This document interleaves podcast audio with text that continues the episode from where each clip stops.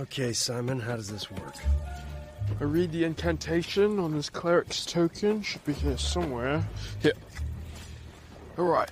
Once the dead man is revived, we can ask him five questions, at which point he will die again, mm-hmm. never to be re revived. Why five questions? I don't know, that's just how it works. Seems arbitrary. Can we get on with this, please? Right, yes.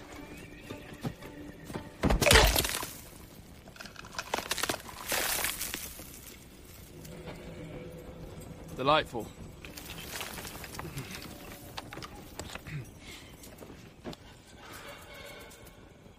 Perlamon Tergatis.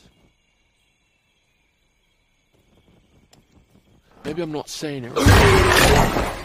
I wasn't scared, nearly startled.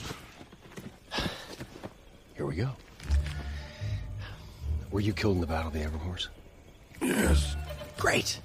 I mean, uh, not for you. Sorry for your loss. Four more questions, right? Yes. No, no, no. That, wa- that wasn't for you. Did that count as a question? Yes. Damn it. Only answer when I talk to you. Okay? Yes. Why did you say okay at the end of that? I didn't. Fantastic. Where's the shovel?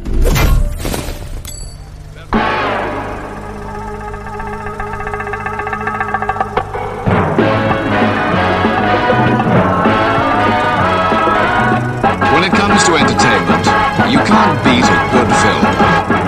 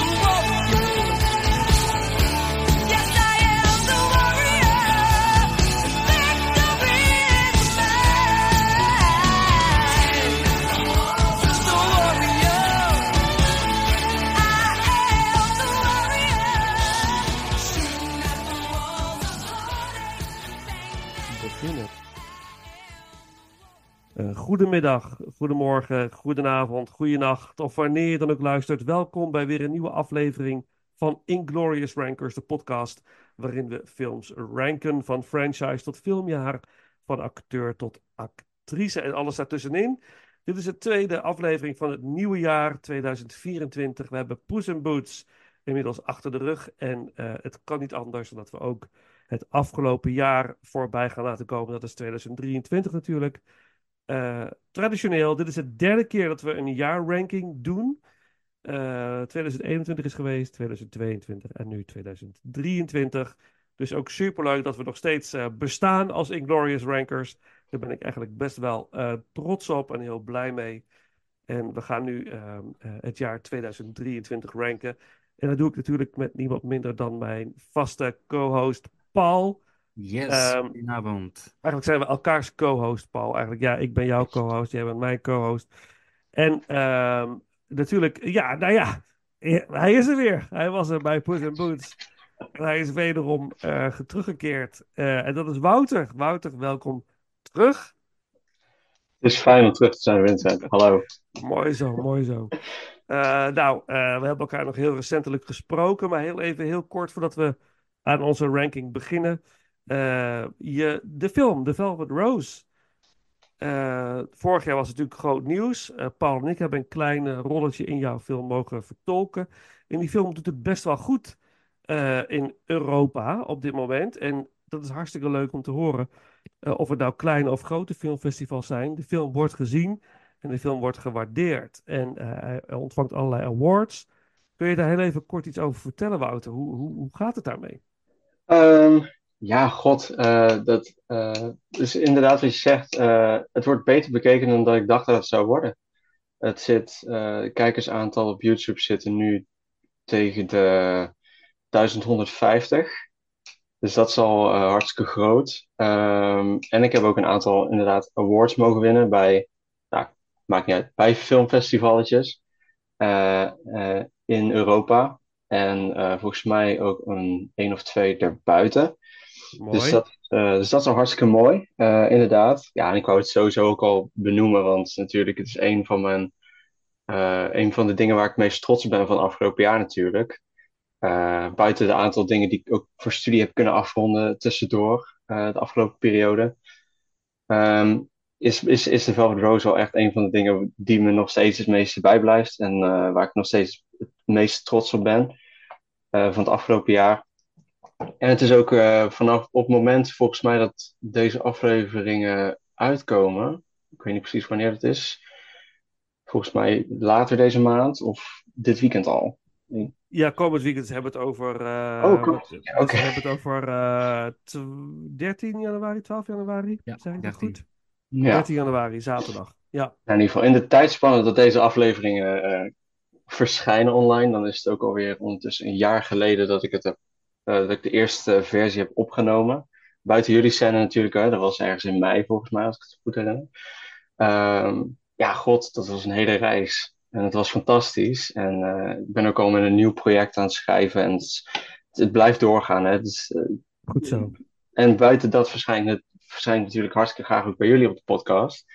Het laat mij ook weer een beetje wat kritischer kijken naar, kritischer kijken naar film. En uh, gewoon daar wat beter over kan nadenken. En dan kan ik het ook eindelijk even met, met mensen erover hebben, weet je wel. Dat is, gewoon de voornaamste reden dat ik hier bij jullie zit. Waarom ik het zo leuk vind om jullie hier te zetten.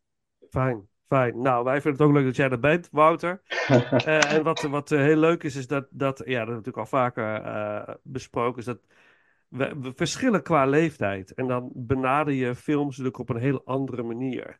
En ik denk dat dat vanavond ook wel weer te sprake zal komen. Dus ik vind dat heel erg gaaf.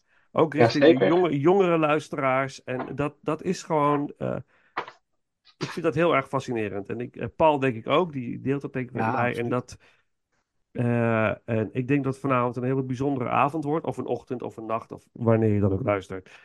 Um, we gaan 2023 ranken. Een heel interessant filmjaar.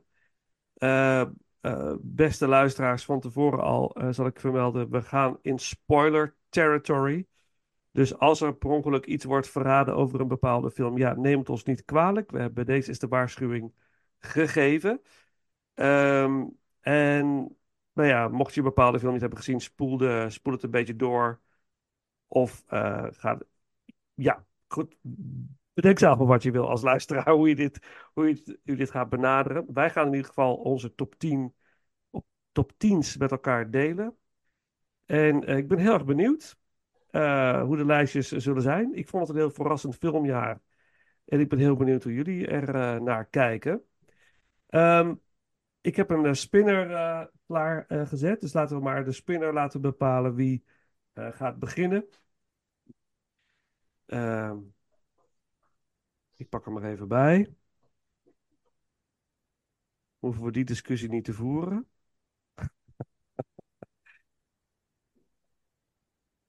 Oké. Eens even kijken of jullie.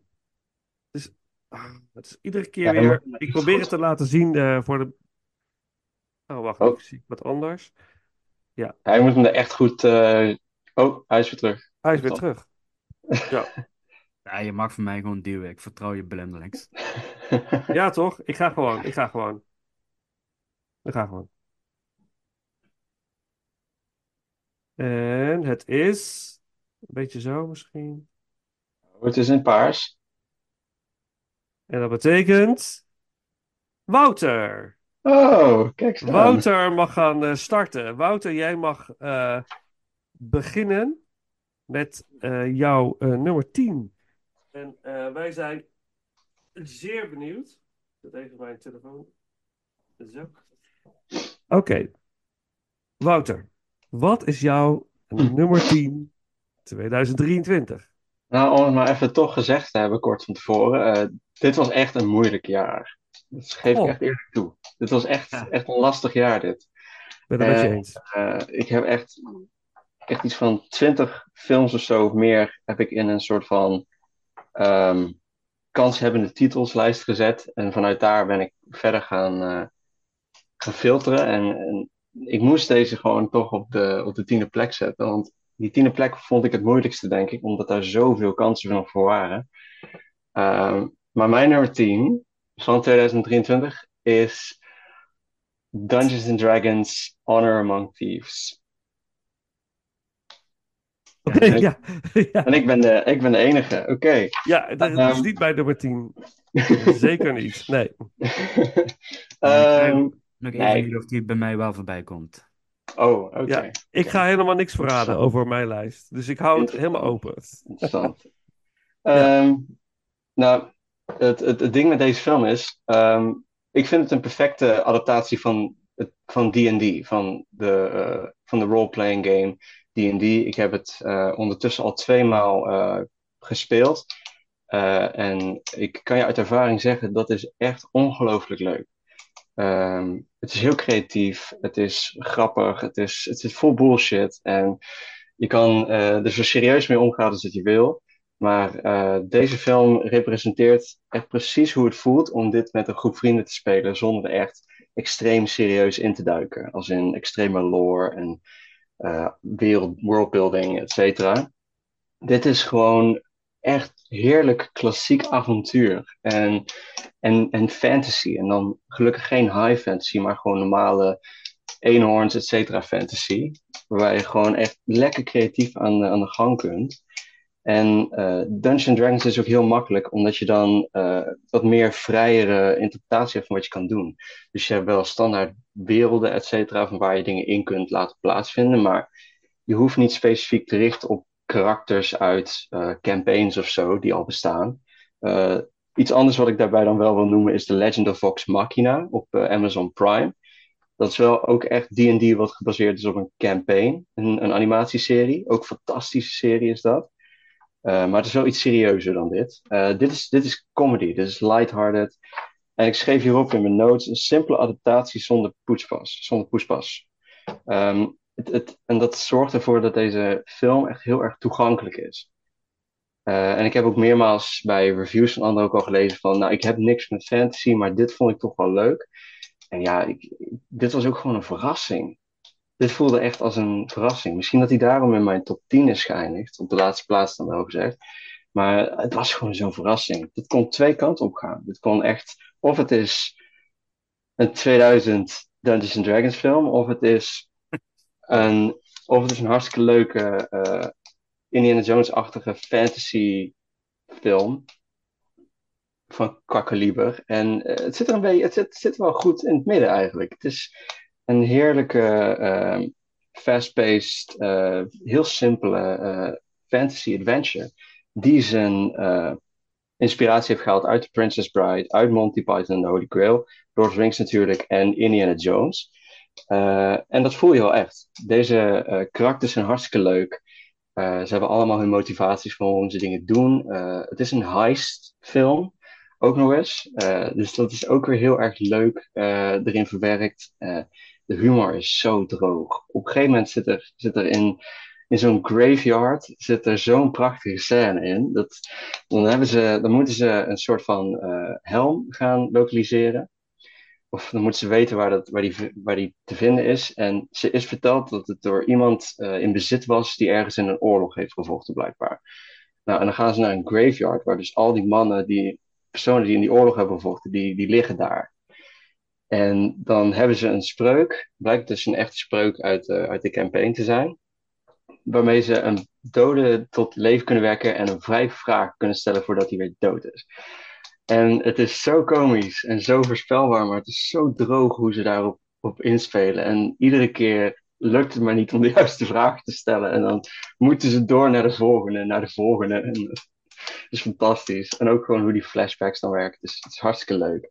Hij heeft ook Eh, vaak niet door dat hij de juiste vraag niet stelt. Hè? Hij is gewoon aan het praten. Ondertussen stelt hij vragen. En dan gaat hij. Ja, Ja, dat is ook zo leuk. En dan, Ja. dan stelt hij, en dan stelt hij niet eens een vraag, maar dan zet hij er oké achter, weet je wel, op een vragende manier. En dan... Echt fantastisch. Eh, Ja. wat, wat ik leuk vind aan deze film is het feit dat de voorspelbaarheid in het voordeel werkt. Ehm, voornamelijk als je weet wat je wilt zijn. Als, als een film weet wat het is, dan, en het eigenlijk qua basis heel simpel houdt, dan, dan is er meer ruimte voor verrassende elementen, zoals die humor die er dan af en toe in kan komen. En unieke karakterkwaliteiten komen er wat meer naar voren. Als de karakters en het verhaal maar gewoon goed zijn qua basis, dan hoef je niet allemaal heel exorbitant te gaan zitten werken of te denken om, iets leuks neer te zetten. En eh, dat doet deze echt heel erg goed. En, en de score en de atmosfeer werken hier ook heel erg mooi bij. Van eh, Lauren Balfe, die heeft, eh, die heeft de score gemaakt. Die heeft heel veel scores gemaakt dit jaar eigenlijk. Grappig genoeg. Mission Impossible heeft hij nog gedaan. Hij heeft Tetris gedaan. Hij had nog een andere gedaan. Ook Top Gun Maverick blijkbaar heeft hij ook aan meegewerkt. En eh, ja, dit, de, de verdere rest van deze film is gewoon hartstikke fijn. Het is, het is een soort van nostalgische avonturenfilm. En dat miste ik gewoon heel erg. Eh, dingen die ik misschien al wat minder vond, ja, dat, sommige CG-dingen die blijven nog wat achter, denk ik, ten opzichte van andere eh, sci-fi films. Eh, er zit een soort moderne visuele stijl aan vast, die me nog steeds niet helemaal, ik heb het daar niet zo helemaal op of zo. Alsof het visueel nog niet echt uniek genoeg is of zo. Maar buiten dat, deze film is echt verhalend, eh, heel erg mooi gedaan. Heel erg avontuurlijk, heel erg grappig, eh, toegankelijk. Dus eh, iedereen kan er naartoe. En eh, ja, het heeft ook gewoon een mooie boodschap, weet je. Als je het, eh, het- de hoofdpersonage is dan ook gewoon, eh, die heeft zijn vrouw verloren. Gespeeld door Chris Pine trouwens. Niet de vrouw, het hoofdpersonage. tegenwoordig, tegenwoordig weet je het nooit natuurlijk. Maar in dit geval. Tegenwoordig weet je het nooit. ja. En, en dan moet hij dus een soort van talisman vinden. Die wil die vinden of die wil die stelen om, zijn vrouw weer tot leven te wekken. En in het einde van de film is daar ook wel heel mooi op ingespeeld. Ook heel voorspelbaar, maar het, het, het is wel echt. Het heeft het juiste hart, om het zo maar te zeggen. Het heeft de juiste kern. ja, En ja. dat, is, eh, en dat is denk ik de reden waarom ik dit op mijn nummer 10 heb gezet. Het was iets klassieks. En het had het hart op de juiste plaats. En eh, het was gewoon een verrassing. Ten opzichte van heel veel andere dingen van dit jaar. Nou, dat is jouw nummer 10. Ik ben heel benieuwd eh, of die nog voorbij komt in een van onze lijstjes, eh, Paul. Eh, maar anyways, de soundtrack is echt zeker de moeite waard van deze film. Er zit ook een, een track in Juice of the Vine, wat ook gezongen wordt door Chris Pine in de film. Muziek door Lorne, wat zeg ik? Lauren volgens Balfe, mij. inderdaad. Ja. Eh, laten we die track doen voor nu. Eh, Juice of the Vine uit Dungeons and Dragons Honor Among Thieves.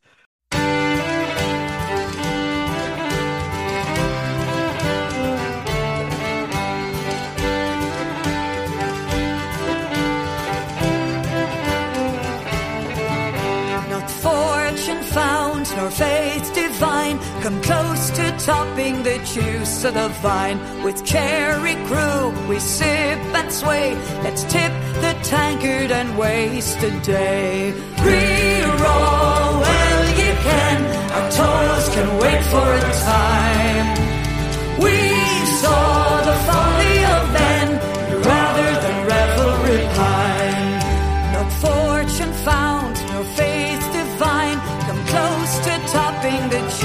the vine. With cherry crew, we sip and sway. Let's tip the tankard and waste a day. Not fortune found, nor faith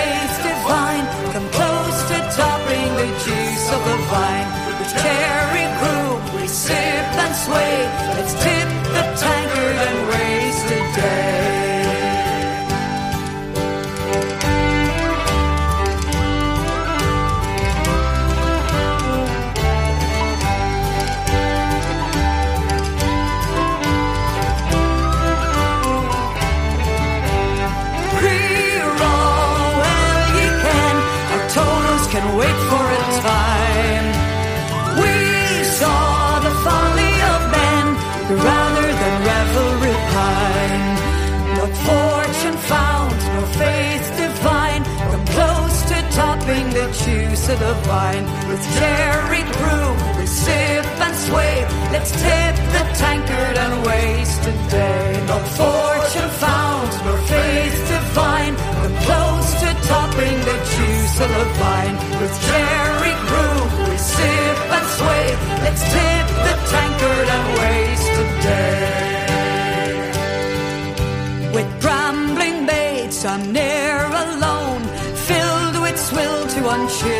bones.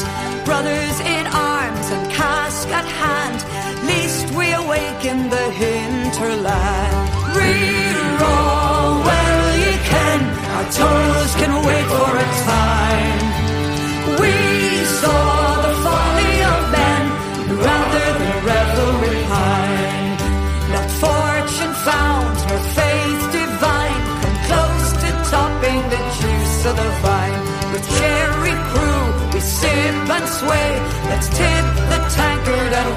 waste a day. Not fortune found, nor faith divine. Come close to topping the juice of the vine. With cherry crew, we sip and sway. Let's tip the tankard and waste a day. eens even de spinner opnieuw doen. Ik heb Wouter even verwijderd Hoi. uit eh, deze Leuk. spinner. Om te kijken wie dan nu eh, naar voren komt. Ik laat maar hem eh, draaien. En eh, dan is het. Ja. Ik ben het. Ja, veel plezier. Ja. Ik ga koffie halen. Ja, ik ben het. Ik ga, ik ga de volgende eh, doen. Mijn nummer 10. Ehm, ja, ehm, mijn nummer 10 is ehm, misschien ook wel jouw nummer 10, eh, Paul. Wie zal het zeggen? Maar mijn nummer 10 is, is Cocaine Bear. Cocaine Bear is eh, mijn nummer 10 van 2023. En eh, ik weet dat heel veel mensen het absoluut niet met me eens zullen zijn dat Cocaine Bear überhaupt in de top 10 zou moeten staan. Maar eh, Cocaine Bear vind ik gewoon een nostalgische trip down memory lane. Eh, als kind in de jaren 80 naar de videotheek en een VHS en een, eh, hele foute actie horror film huren en met je vrienden kijken op de bank met chipjes en eh, Ranja toen nog. Eh, en deze film ademt dat uit. Deze film ademt ehm, nostalgie uit. Jaren 80 sfeer. Het heeft een beetje een jaren 80 soundtrack ook. Het is een. Het is gebaseerd op een waar gebeurd verhaal, tussen aanhalingstekens. Het waar gebeurde aspect daarvan is dat er inderdaad een cocaïne deal was of een, een, een eh cocaïne transport door de lucht met een vliegtuig. Daar, uiteindelijk zijn daar cocaïnebalen naar beneden gestort. En heeft een beer die cocaïne verorbert. Maar die beer is vervolgens gestorven in, het, in de real life. In deze film echter blijft de beer leven en is die bedwelmd door cocaïne. En eh, valt hij eh, mensen aan, eigenlijk, eh, in zijn al. maar het is geen hij, het is een zij. Ze heeft ook jonkies, dus er zit toch een extra drijfveer bij die beer om vooral haar jonkies te beschermen. En iedereen die in de buurt komt, moet gewoon worden vernietigd. Ja, gedood, verorberd. Absoluut dat. Dus het maakt een soort. Het wordt, het wordt daardoor een soort komische horrorfilm. En vanaf, vanaf het moment vond ik de ongeloofwaardigheid superleuk. Daar hou ik heel erg van. Ik Kom maar op met, met de flauwekul. en geef mij maar 90 minuten eh, volop kijkplezier.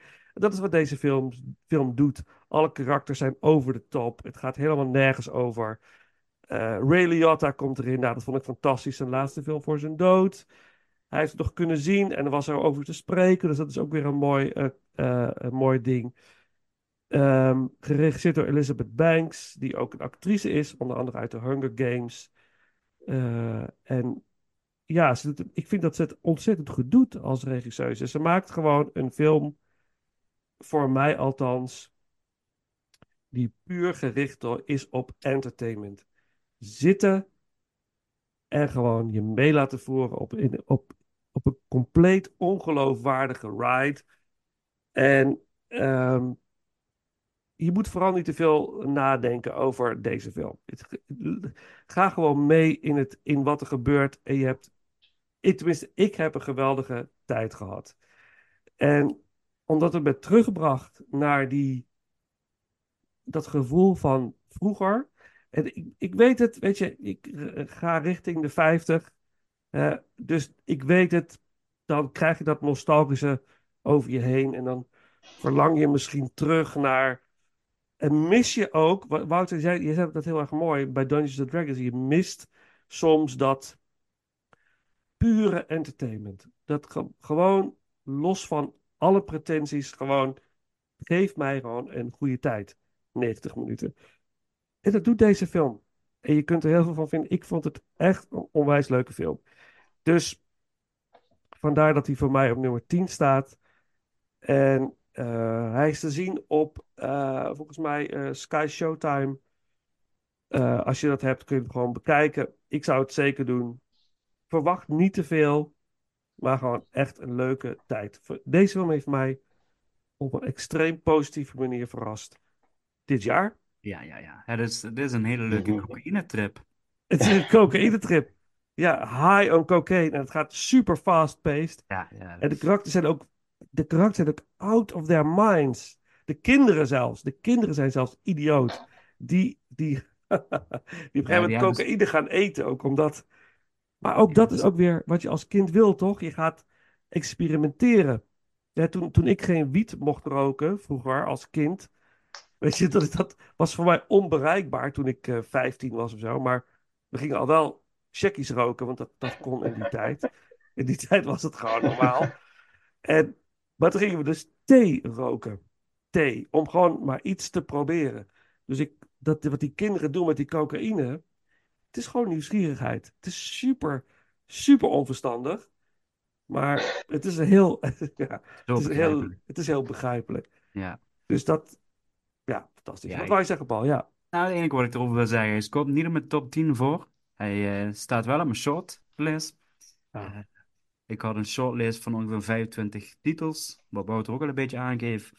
En ehm, ja, hij is, hij is, dat is een van mijn eh, gevoelige afvallers. Ah, Eh, dat wou ik wel even benoemen en dat vind ik wel eigenlijk heel erg... eh, ik vind het fijn dat hij bij jou voorbij komt. En dat, fijn. hij verdient zeker deze aandacht. Dus, eh, maar dan, Wouter, Wouter denkt er anders over, volgens mij. Nou, ik, ik, ik, ik kan eigenlijk heel moeilijk iets over, hierover zeggen, behalve over het concept, want ik heb de film niet gezien. Ah, oké, oké, oké, Maar ik kan, ik, kan het ik kan het vanuit jullie standpunt wel begrijpen dat het, dat het iets is, weet je wel, een soort klassieke-achtige ethisch nonsens. Gewoon gaan. Gewoon lekker Ja, door, gewoon lekker direct huppatee erin. Ja, en, dat- en de makers weten dat ook. En weten ook van, dit- het idee is al gewoon te stom voor woorden, laten we het even zo zeggen. Dus we moeten ook zo'n film maken die eigenlijk te stom voor woorden is, waardoor die gaat, leuk gaat worden. Ja, Iedereen die die, weet- die, die weet gewoon van, dit is zo'n film, we gaan nooit een Oscar winnen. We gaan het niet bloedserieus aanpakken. En we gaan gewoon echt een geweldige tijd tegemoet. En dat eh, vind ik echt een prestatie, zeker van Elizabeth, Elizabeth Banks als regisseur zijnde. En volgens mij heeft ze ook meegeschreven. Eh, dat vind ik echt een heel, eh, ja, heel tof gedaan. Ja. En eh, overigens sowieso, dit is haar derde film. Ze heeft ook Pitch Perfect 2 geregisseerd en de meest recente Charlie Angels film. Ja, alle drie de films vind ik dat ze echt wel goed werk levert. Ze weet echt wel hoe ze het materiaal moet brengen, wat ze, wat ze heeft en wat ze moet doen ermee. Dat het niet altijd aanslaat bij het publiek, ja, dat is even een ander verhaal. Maar eh, ze snapt het, ze snapt het vak wel. Dus eh, exact. Exact de ik vond het een hele, hele leuke verrassing, deze film. En ik liep inderdaad met een, met een eigen glimlach naar buiten. En ik heb inderdaad anderhalf uur eh, kostelijk vermaakt in de bioscoop. En dat is waar het om gaat. Ja, Oké, goed. Nou, mijn nummer 10. Cocaine Bear. Muziek uit de film. dat 80s feel heeft deze track ook echt. Rosette slash wrap-up. Muziek door Mark Mothersbaugh. En ehm, nou ja, geniet ervan zou ik zeggen. En dan eh, Paul, eh, jouw nummer 10. Ja, mijn nummer 10.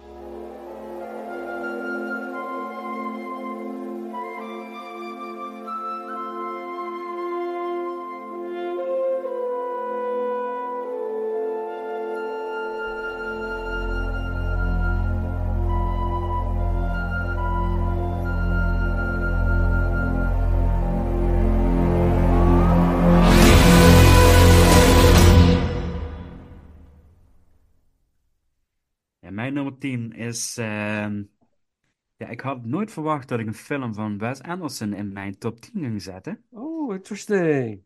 Maar het Ja. is niet wat jullie denken, waarschijnlijk. Oh, Ik denk dat ik weet welke het is. Eh, Het is The Swan. De korte Ah, Swan. korte film, The Swan. Oké. Ja, ja, Die is, die is interessant. Ja. Dit, wil- dit Ja. wil ik wel even aanhoren. Nou, nou, de rest dus niet. Nou, dan... Nee, is gek. Eh, de korte film The Swan is, eh, is gebaseerd op een verhaal van eh, Ronald Dahl. Eh, Wes Anderson heeft afgelopen jaar, 2023, eh, vijf korte films voor Netflix gemaakt. Dit is er eentje van. Ehm, eh, ik zie Wouter even bedenkelijk kijken, maar het waren er drie volgens mij. Het waren er drie. Ja, ik dacht vijf, maar goed, dat, eh, daar komen we later nog even op terug. Oh nee, wacht, vier. Het waren er vier. Met eh Wonderful Story of Henry Sugar erbij was het vier.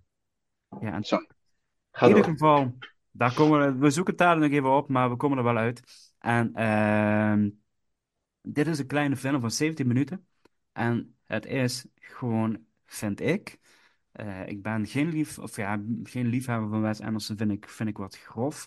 Eh, of wat, wat zwaar. eh, eh, maar ik heb een haal-liefde verhouding met hem. En zeker de laatste films vind ik, vind ik soms eigenlijk een gemis van kwaliteit en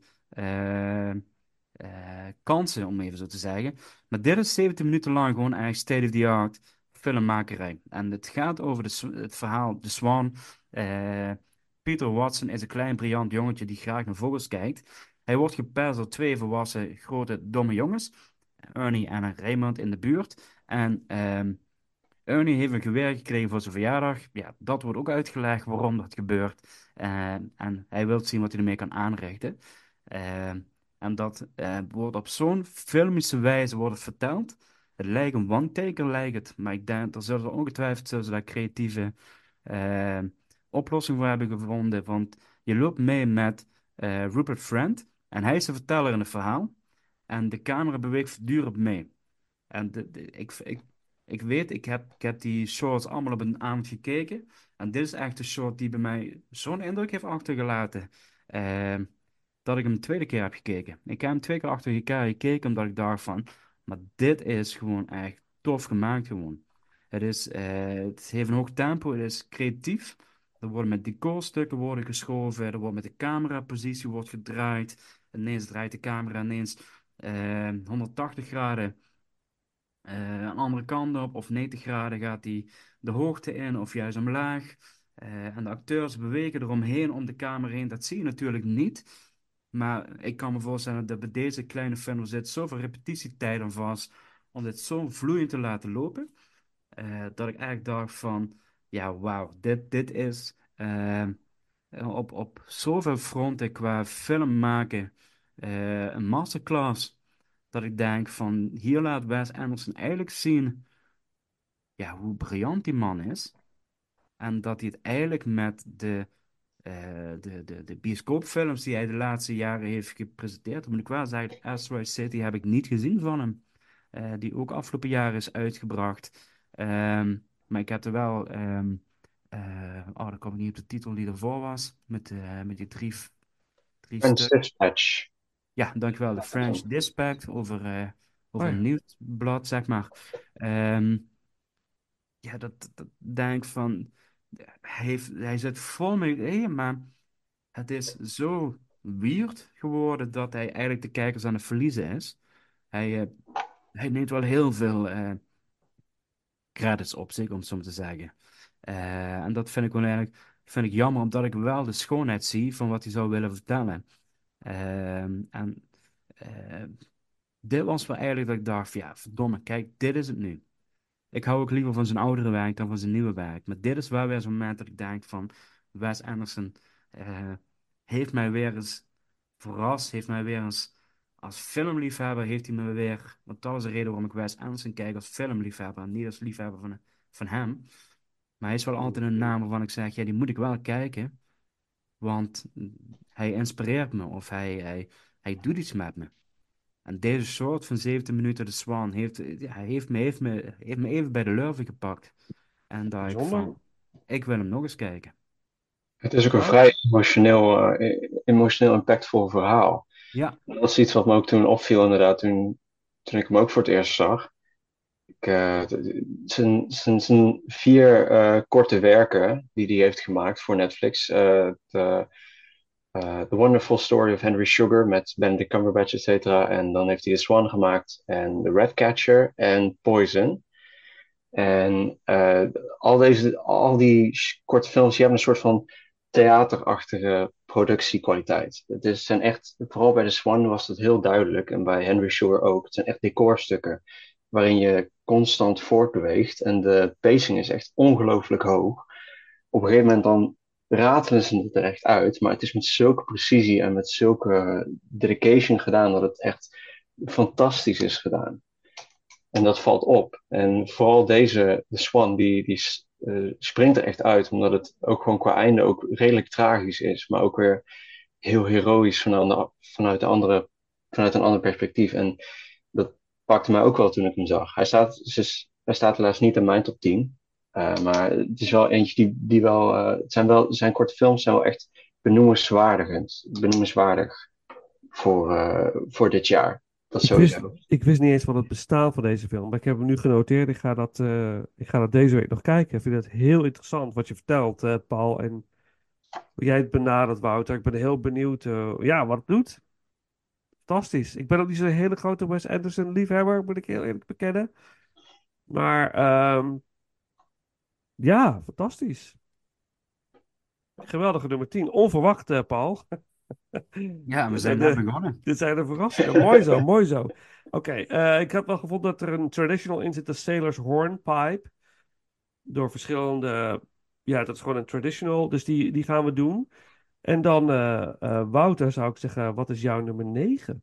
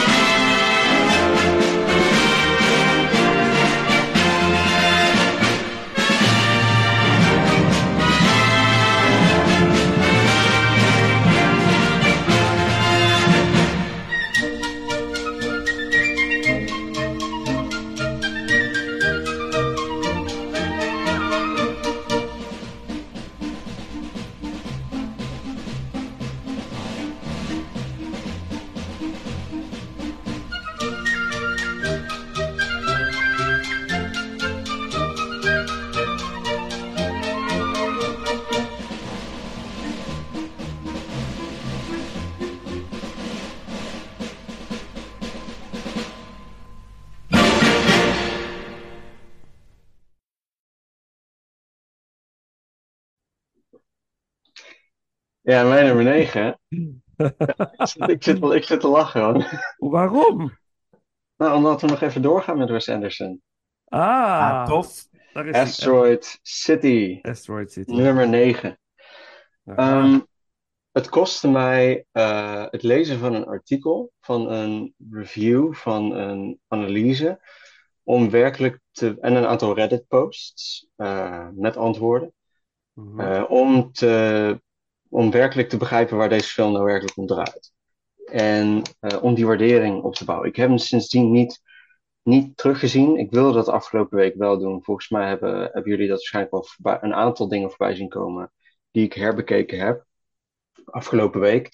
En eh, deze wilde ik eigenlijk aanvankelijk ook doen, maar dat heb ik uiteindelijk toch maar gelaten. Ehm, ook om een specifieke reden, waar ik even niet op in zal gaan. Maar deze film, ik was er vrij mixed over toen ik hem, voor toen ik hem zag. Uh, als in van, ja, hier zit wel iets in. En het ziet er visueel natuurlijk uh, precies uit zoals een Wes Anderson film eruit hoort te zien. Hè, die symmetrie, uh, de kleur, het kleurpalet, de, de stoïcijnse acteerwerk, dat wat minder emotioneel toegankelijke acteerwerk wat erin zit. En um, ik kan begrijpen dat dat heel veel mensen nogal, um, nou, dat het mensen niet heel erg ligt. Dat begrijp ik heel goed. En uh, deze film is ook totaal niet bijvoorbeeld een Grand Budapest Hotel of een uh, Royal Tenenbaums of zo. Dit is echt een soort van up the ante van wat Wes Anderson kan doen. En wat daaruit kwam, en ik heb, het ik heb drie pagina's volgeschreven hiermee. Um, maar wat me het meeste trok in deze film is You can't wake up if you don't go to sleep. En ik zat te kijken. Oh, dat, oh, dat getik kan, dat, dat kan bij mij zijn. Mijn broer heeft een oude wekker uh, hier staan. Dus, uh... ik hoorde geen getik op de achtergrond. Paul die zit in de chat, hoor je het getik op de achtergrond? Maar ik... nee, nee. ik hoor het niet. Maar dus misschien maar oké, okay, ga verder. Mij, ga verder valt het ook, mij valt het ook niet op hoor, maar uh, uh, er staat hier een oude wekker in de kamer, dus dat kan heel goed uh, dat het daar vandaan komt. Um, ik dacht iedere keer toen ik dat hoorde, van, ik probeerde het constant in mijn hoofd door, opnieuw op, af te spelen, ook iedere keer als ik erover nadacht van you can't wake up if you don't go to sleep. En de betekenis die erachter zit, is eigenlijk vrij duidelijk als je, als je een beetje doorkrijgt, als je een beetje dieper over nadenkt en een beetje langer bij, bij, bij nadenkt. Uh, you can't find yourself unless you lose yourself. Dat is een beetje waar het om draait. En daar, deze hele film draait daarom. Um, het hoofdpersonage heet uh, Augie, als ik, het goed, als ik het goed herinner, gespeeld door Jason Schwartzman. En um, die komt met zijn, uh, met zijn zoon en met zijn twee dochters. Komt hij vast, uh, komt hij met uh, pannen terecht in een klein stadje in de woestijn, genaamd Asteroid City. Dit stadje staat bekend om een zogenoemde, zogenaamde asteroïde, die daar ooit in de geschiedenis een keer is neergestort. En eigenlijk de hele identiteit van dat dorpje draait om die asteroïde. En om ruimtevaartprogramma, waar zijn zoon uh, een, een toernooi in mee gaat doen. Nou, dit personage is eigenlijk vrij tragisch, want uh, hij heeft zijn vrouw verloren. En eigenlijk probeert hij daar gedurende de hele film, zijn hele gezin, probeert daar een beetje mee, probeert daarmee te dealen, probeert daarmee om te gaan. En daarbij komen er ook nog een heel, groep, een heel grote groep andere personages in dit stadje terecht, in the middle of nowhere. Uh, wat ik zelf wel grappig vond, op een gegeven moment, uh, every once in a while, uh, ontploft er ergens een atoombom in de achtergrond. Wat ik wel een redelijk grappig happening vond iedere keer als het gebeurde. Van, omdat het zo plots is en het heeft eigenlijk weinig invloed op wat er daar gebeurt. Maar het, het speelt zich gewoon iets in de achtergrond af. En iedere keer kijken ze naar achterom dat, er, dat daar zo'n atoom ontploft. Dus ik vond, ik vond er wel iets komisch hebben. Maar het hele ding wat ik zelf niet snapte toen ik de film zag, was het feit van waar dat, uh, waar dat stadje nou werkelijk voor staat. En het uh, is het feit dat al die personages die ze daar hebben, eigenlijk een soort van um, problemen met zich dragen waar, waarin ze zichzelf eigenlijk een soort van verliezen. Dus ze komen allemaal in dit stadje terecht, in the middle of nowhere. Um, en, ze proberen allemaal om te gaan met hun eigen uh, trauma's, met hun eigen problemen. Dus bijvoorbeeld uh, de actrice gespeeld door uh, Scarlett Johansson, die is constant bezig met, met, met, met rollen oefenen. Dus zij zit constant in een, in een soort van gedachtegang dat zij constant in de fictie leeft. Dus zij zit niet in het, in het echt, in, in de realiteit. En um, ook gewoon Argy zelf, die, die die is fotograaf, hij is oorlogsfotograaf en die zoekt een beetje de waarheid in, in, in wat hij kan zien. Dus uh, what you see is what you believe.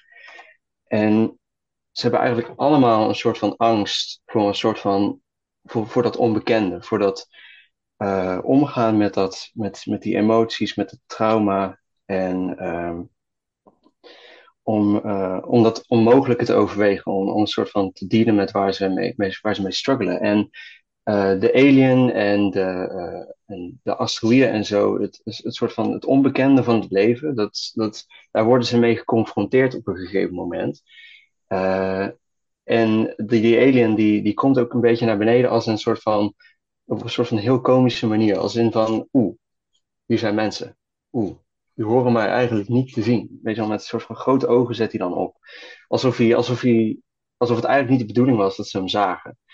En uh, dat, dat is wel echt, ik vond het, vind het zo'n fascinerende film. Als ik er gewoon echt goed over nadenk. En ook gewoon visueel uh, heeft het weinig afleiding. Er zit, het, het, is dat symmetrische, dat, dat stoïcijnse acteerwerk inderdaad, zit er, om, het zit er allemaal opnieuw gewoon weer in. Maar om een of andere reden vond ik het bij deze heel erg belangrijk. Omdat het een soort van, het haalt visual noise weg. En het laat de, het publiek ook echt zelf nadenken over welke emoties je erbij voelt. Dus als je, dus ook de personages zelf, er zit ook een heel theatraal element in. Dus uh, het zijn meerdere, um, het, is heel, het is heel diepgaand allemaal. Het is heel, het is in meerdere lagen opgebouwd. Want het uh, Asteroid City is eigenlijk een, soort van uh, theaterstuk wat opgevoerd wordt door acteurs in het echte leven. En uh, er zitten dus drie van die verschillende lagen in. En dat wordt toevallig een film. Wat zei je? En wordt toevallig een film. Mm, nee, het is echt gewoon, we volgen dat theaterstuk eigenlijk. Dus er zit ook af en toe een narrator bij, in de vorm van Brian Cranston, die ook op een gegeven moment in een verkeerde scène binnenstapt, uh, net zoals de Alien. Dus dat is ook weer een soort van dubbele parallel uh, die daar plaatsvindt. Uh, maar het is een soort van, er is zo, zo weinig mogelijk visual noise. En de acteurs uh, worden eigenlijk een soort van vervangen door het publiek. Want acteurs weten zelf ook niet echt van wat is nou de bedoeling van dit stuk? Wat is nou de bedoeling van dit verhaal? Het klinkt een en... beetje als de, als de theaterversie van Into the Woods. Daar gebeurt in de theaterversie, niet in de film, maar in de theaterversie gebeurt dat ook. Dat de verteller eigenlijk ineens onderdeel wordt van het, van het stuk. En hij wordt eigenlijk in het stuk getrokken. Zonder dat hij van tevoren weet dat hij überhaupt al onderdeel was van het stuk. Dat is een heel uh, grappig, uh, maar interessant. Ik ga je een beetje onderbreken, anders dan ben je volgens mij nog een half uur aan het doorgaan over deze film. Want wat ik hoor is dat je super uh, gefascineerd bent door deze film. Dus dat ja, het enige wat ik hier dan mij ook wel eigenlijk. zeg, inderdaad. Wat ja. ik hier, inderdaad, maar wat ik hier dan ook bij zeg nog, is inderdaad denk ik ook wat, wat, wat denk ik Pauls mening ook een beetje was. Wat hij ook net liet, een beetje eruit liet zijpelen, is het feit van dat dit een beetje heel erg... Um, heel erg metaforisch gaat. Dit gaat echt, dit, dit gaat een heel existentiële kant op die niet uh, bij de eerste kijkbeurt duidelijk is.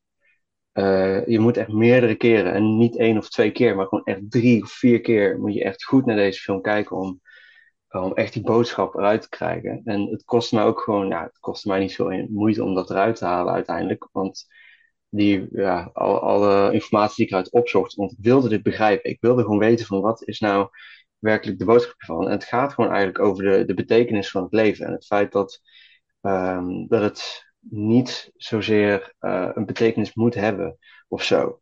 Dat het een soort van, net zoals het spel is, je moet gewoon doorgaan. Um, en ze hadden daar een soort van um, referentie voor, die ik even ga kijken. Nee, ik heb hier niet bij staan, maar het was een soort van verhaal van een Grieks, een soort Griekse verhaal waarbij uh, een, een god ge, gestraft was en dat hij dan een steen de heuvel op moest rollen. En dat iedere keer als hij, als hij de steen boven had, dat die steen weer naar beneden rolde. En dat eigenlijk een soort van, wat is dan het doel van, van wat je aan het doen bent? Van, ja, ja. En dat is een beetje in het, in het leven is dat precies hetzelfde. Dus weet je wel, dus uh, je gaat een soort van bepaalde richting op en dan gaat het weer naar beneden. En dan vraag je af van, wat is nou werkelijk het doel dan van dit alles? Ja. En dat is gewoon zo interessant aan deze film. Om, om dat eruit te kunnen halen. Eh, het heeft een soort van authenticiteit die, die, die, die er dan bij mij nog enigszins bovenuit steekt. Maar het is inderdaad, het, het gaat nog, het is iets te diepgaand, denk ik, voor het algemene publiek, denk ik. Om, om dit echt te accepteren. Uh, om, dit, om, om zich hier uh, geïnteresseerd door te voelen, denk ik. Is het niet zo dat iedereen daar uithaalt wat hij voor zichzelf eruit haalt? Ja, ik denk, denk het wel. Maar ja. het, uh, het, heeft denk ik wel eens. Het heeft altijd, een film heeft altijd wel een, con een concrete betekenis of een boodschap. Um, maar het is ook wel van wat je wil snappen, hè? volgens mij. Altijd. Dus, dus, ja. dus ja. het, is niet alleen van, het is niet alleen hoeveel je er, of wat je er zelf als, als kijker specifiek uithaalt. Um, maar het, het, ik denk ook dat het ook een beetje gaat van wat, wat wil je er uiteindelijk uithalen? Wil je er iets uithalen? Als je in je eerste, als je in de eerste instantie bij de eerste kijkbeurt het misschien er niet uithaalt. Ik denk dat heel veel mensen daarom de, de film redelijk uh, kritisch nogal de grond in hebben geslagen. En ik denk niet dat dat helemaal terecht is. Ik denk dat hier, ik, hier zit veel meer in dan dat mensen, uh, denk ik, zien dat erin zit. En uh, misschien dat, dat, dat de meeste mensen daar misschien dan het geduld niet voor hebben of zo, uiteindelijk om het nog een keertje te kijken, om even te kijken van wat er nog meer in zit. Maar dat is aan ieder, aan ieder de keus om dat te doen. Uh, dus daar ga ik niet op bekritiseren.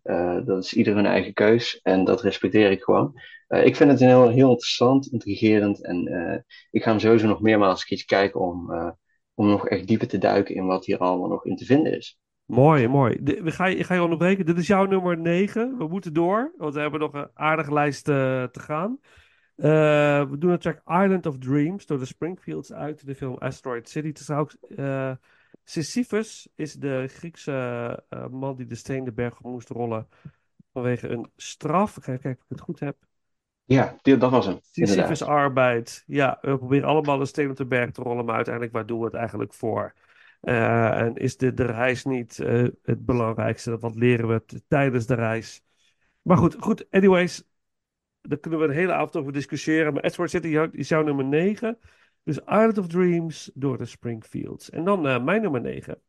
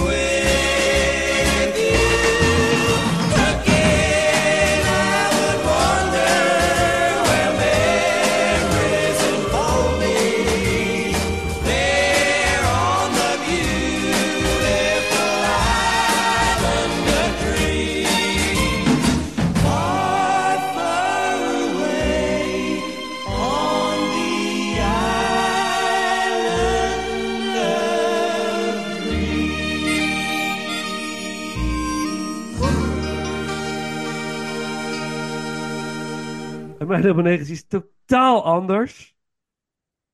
Deze film heb ik eh, afgelopen zaterdagmiddag in de bioscoop gezien. Met mijn kleine dochter Sophie.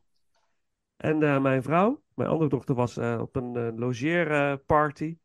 en ik heb een, de, een van de leukste animatiefilms gezien sinds jaren. En dat is de film Migration. Ah, Oftewel Vogelvlucht van de Illumination Studios. Een film waarvan ik van tevoren dacht: wat moet ik in godsnaam hier nou van denken? Maar goed, uh, Sophie wilde heen. We gaan naar Migration. Zij heeft, zij is, heeft lichtelijk ADHD, kan moeilijk stilzitten, maar zij heeft 90 minuten ademloos zitten kijken.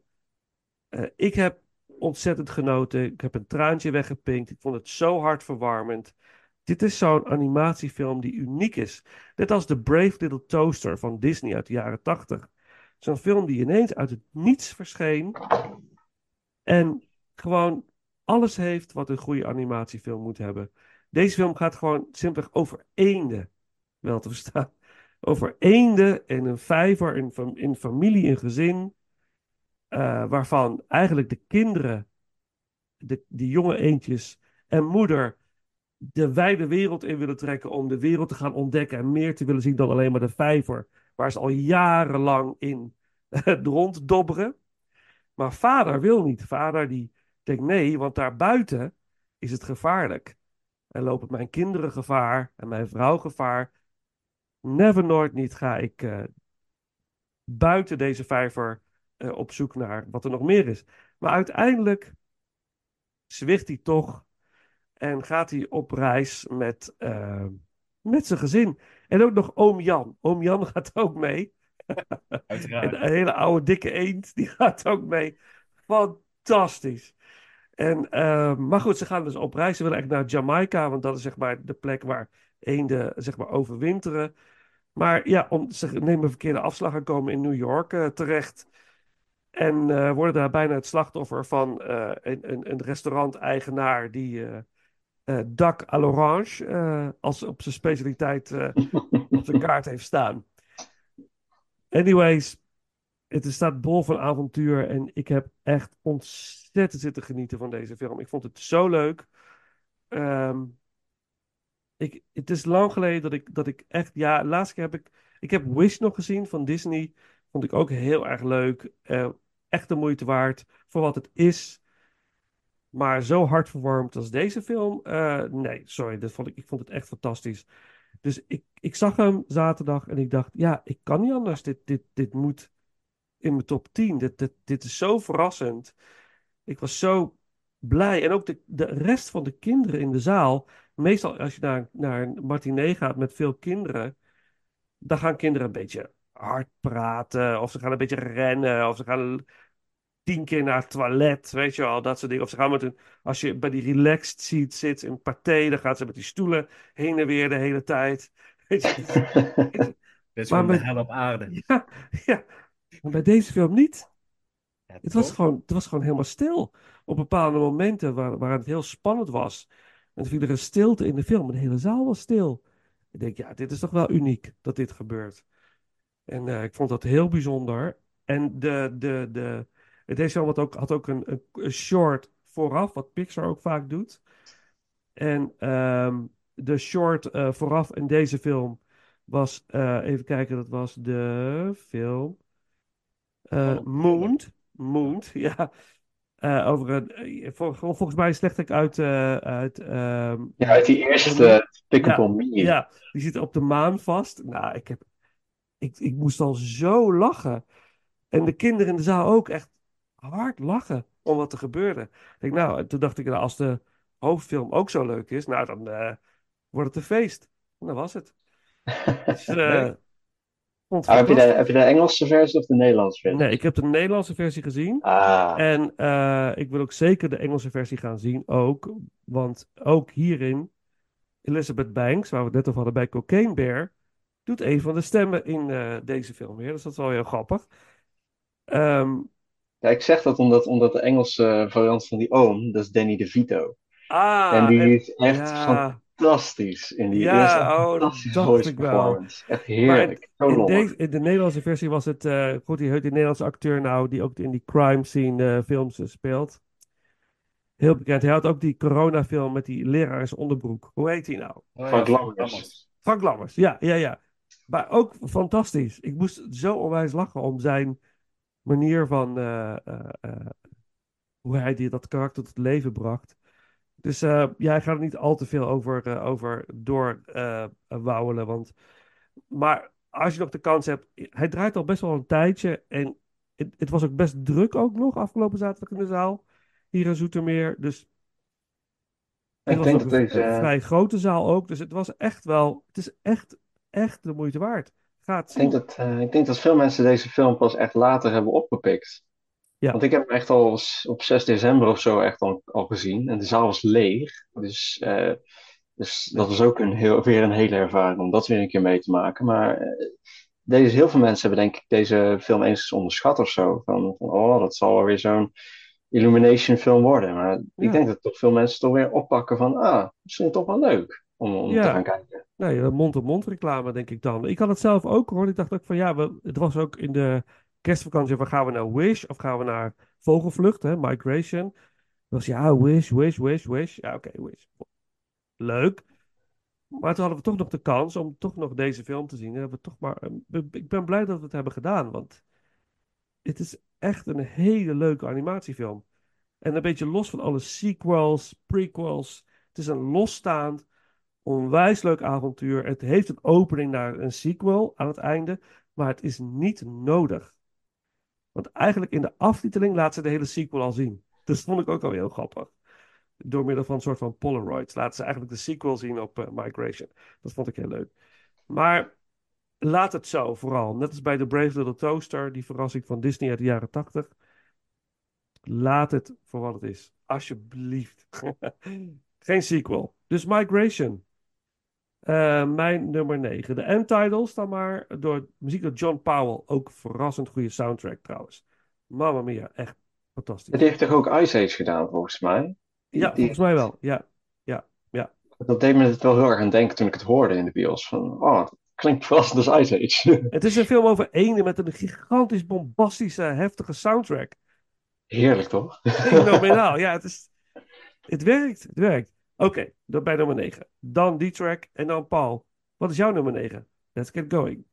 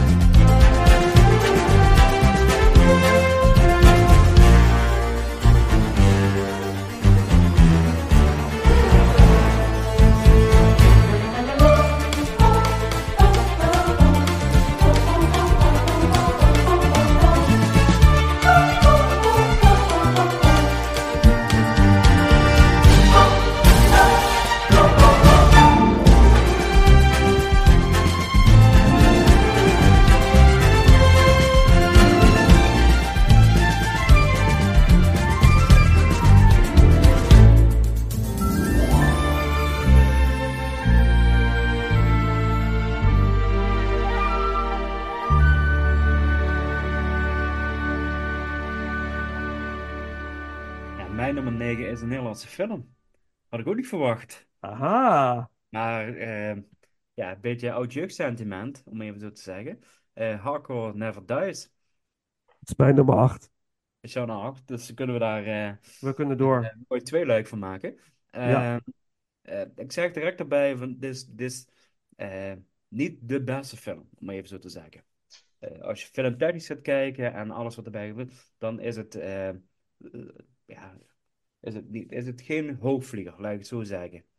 Maar wat deze film wel ontzettend goed doet, en ik denk dat mijn broer, als hij dit hoort, die gaat me uitlachen en het ga ik lang te horen krijgen. Ehm, ehm, ik werd, ehm, hoe zou ik dat zeggen? Eh, ik werd meegezogen in de, in de wereld van hardcore, om even zo te zeggen.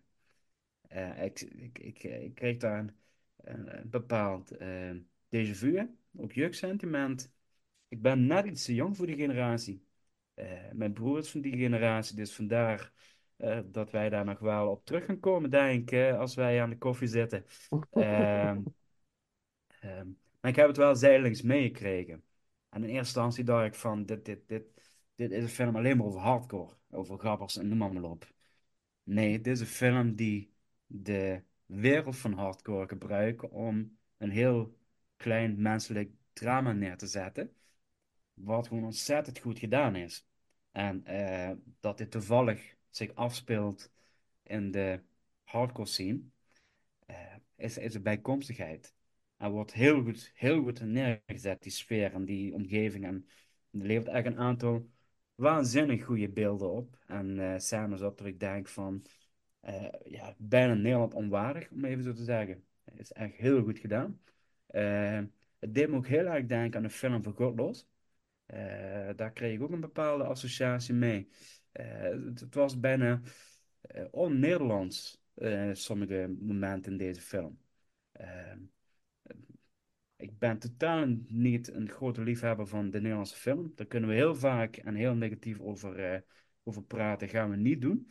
Eh, nu, maar ik vond dit wel, en daarom kwam die bij mij ten negende plaats staan. Van, ik vond het echt een verrassing, deze film. Ik ging hem kijken. Ook dit weekend heb ik nog gekeken op het laatste moment. Eh, ik, weet nog dat ik zei toen ik in de bioscoop een trailer voorbij zag komen. Van dat mensen zeiden, ja, die moeten we zien. Dat ik echt bij mezelf, nee, heb ik echt geen zin in. In deze film, om die in de bioscoop te gaan kijken. Ehm, en daar heb ik eigenlijk nu gewoon spijt van. Ik had hem eigenlijk gewoon in de bioscoop willen zien. Omdat het meer is dan alleen hardcore. Eh, maar ik snap ineens wel de wereld van de hardcore en ook van de gabbers. Ehm, en het wordt, eh, en dat vind ik eigenlijk een beetje jammer van, eh, eh, toch wordt het dan weer een beeld geschetst van de gabbers, waar ik denk van, ah, vind ik wel jammer. Want ik denk oprecht dat gabbers echt meer is. En dat het echt, en dat vond ik op een gegeven moment heel mooi gezegd in deze film van, eh, dit is mijn familie, zeg maar. De gabbers, de gabbers scene, de hardcore scene. En dat vond ik wel heel erg, eh, heel erg mooi gemaakt in deze film. Dus vandaar dat ik eh, enorm verrast was door deze film. Niet Nederlands. En ehm, eh, ja, het acteerwerk van de twee broers. In dit geval van Joost Brouwers en van, eh, even kijken, ik ben even de naam van de andere acteur kwijt. Eh, Jim Dedde. Die, die, eh, die, die, die is echt ontzettend goed gedaan. Eh, je, je loopt echt wel jong acteertalent rond die we later gaan, meer gaan terugzien. Dit is, is ongekend. En ook het contrast van de, de 17-jarige Michael Hughes Brown in dit geval, die, die, die, die droom van, van een toekomst van een klassiek pianist. Ja, hoe groter kun je het contrast maken? In een van de laatste scènes zit hij een auditie te doen in zijn gabber-outfit met zijn kale kop en net niet zijn kapotgeslagen gezicht, want het scheelt niet veel, zeg maar. Zit hij wel een klassieke auditie te doen op een, eh, ja, op een hele mooie piano. Ja, met een, met een klassiek stuk wat een beetje te maken heeft met verlies en rouw, volgens mij. Ja. Stuk van Ja, Beethoven, volgens mij, dat Dus die daar, speelt. daar, daar hebben ze ook heel slim in gekozen in dat muziekstuk. Zeg maar, dat, dat vertelt heel veel. Eh, Ja, heel het bijzonder. is, het is erg sterk eh, gemaakt. En daardoor voor mij echt een hele, hele grote verrassing. Eh, waardoor hij voor mij op nummer 9 kwam te staan. Geweldig. Ja, het, het is... In het kader van het tempo, ik zal het even kort houden, als, want we hebben zoveel films nog te gaan in de komende uurtjes. Eh, ja, dat was een complete verrassing. Ik wilde ook eigenlijk in de bioscoop gaan kijken, want ik, ik was in 1996 was ik uh, 20. en ik had natuurlijk ook vrienden die in die hardcore scene zaten. Ik heb nog steeds een oud collega die een paar huizen verderop woont. voor ons, die gaan nog steeds naar de Thunderdome parties. En hier in het Silverdome in Zoetermeer, dat is af en toe zo'n zo'n hardcore avond. Daar gaat hij nog steeds heen. En nog steeds komen daar heel veel mensen bij elkaar om dat te herbeleven. Dus hardcore never dies, dat klopt ook. Het is ook iets wat blijft leven. Het is een muziekstroom die in Nederland is ontstaan, in Rotterdam. En in Rotterdam, daar speelt deze film zich ook af. In, rondom 1996. Uh, de jongens met, met kale koppen, Nike Airs, Australian jackets. Dat waren gewoon de, ja, dat was de scene. Maar ook, en dat is tweeledig familiair, maar ook de scene van ecstasy, de drug ecstasy die in die tijd opkwam, waar flink in gehandeld werd. Waar ook grove fouten in worden gemaakt. Dat zie je ook in deze film. En het heeft twee kanten. En ik was volledig gebiologeerd vanaf de eerste tot de laatste minuut. Ook puur omdat ik die jongen zag de, het gaat over twee broers eigenlijk. Hè? De, de Gabbar-broer die verstoten is door het gezin. En, en die jongere broer die eigenlijk aan het timmeren is aan zijn weg. En vader wil eigenlijk dat hij in de tuinbouw, in de tuinbouw gaat. En eigenlijk gewoon een normale baan krijgt. Maar die jongen die leeft muziek en die wil muziek gaan maken. En die wil naar het conservatorium. Hij doet eigenlijk in het geheim. Uh, doet hij die audities. Hij laat zijn vader ook niet weten. Dus er speelt ook een hele belangrijke dynamiek. Uh, de vader die grip verliest op zijn zoons. Er zit, zit zoveel in deze film.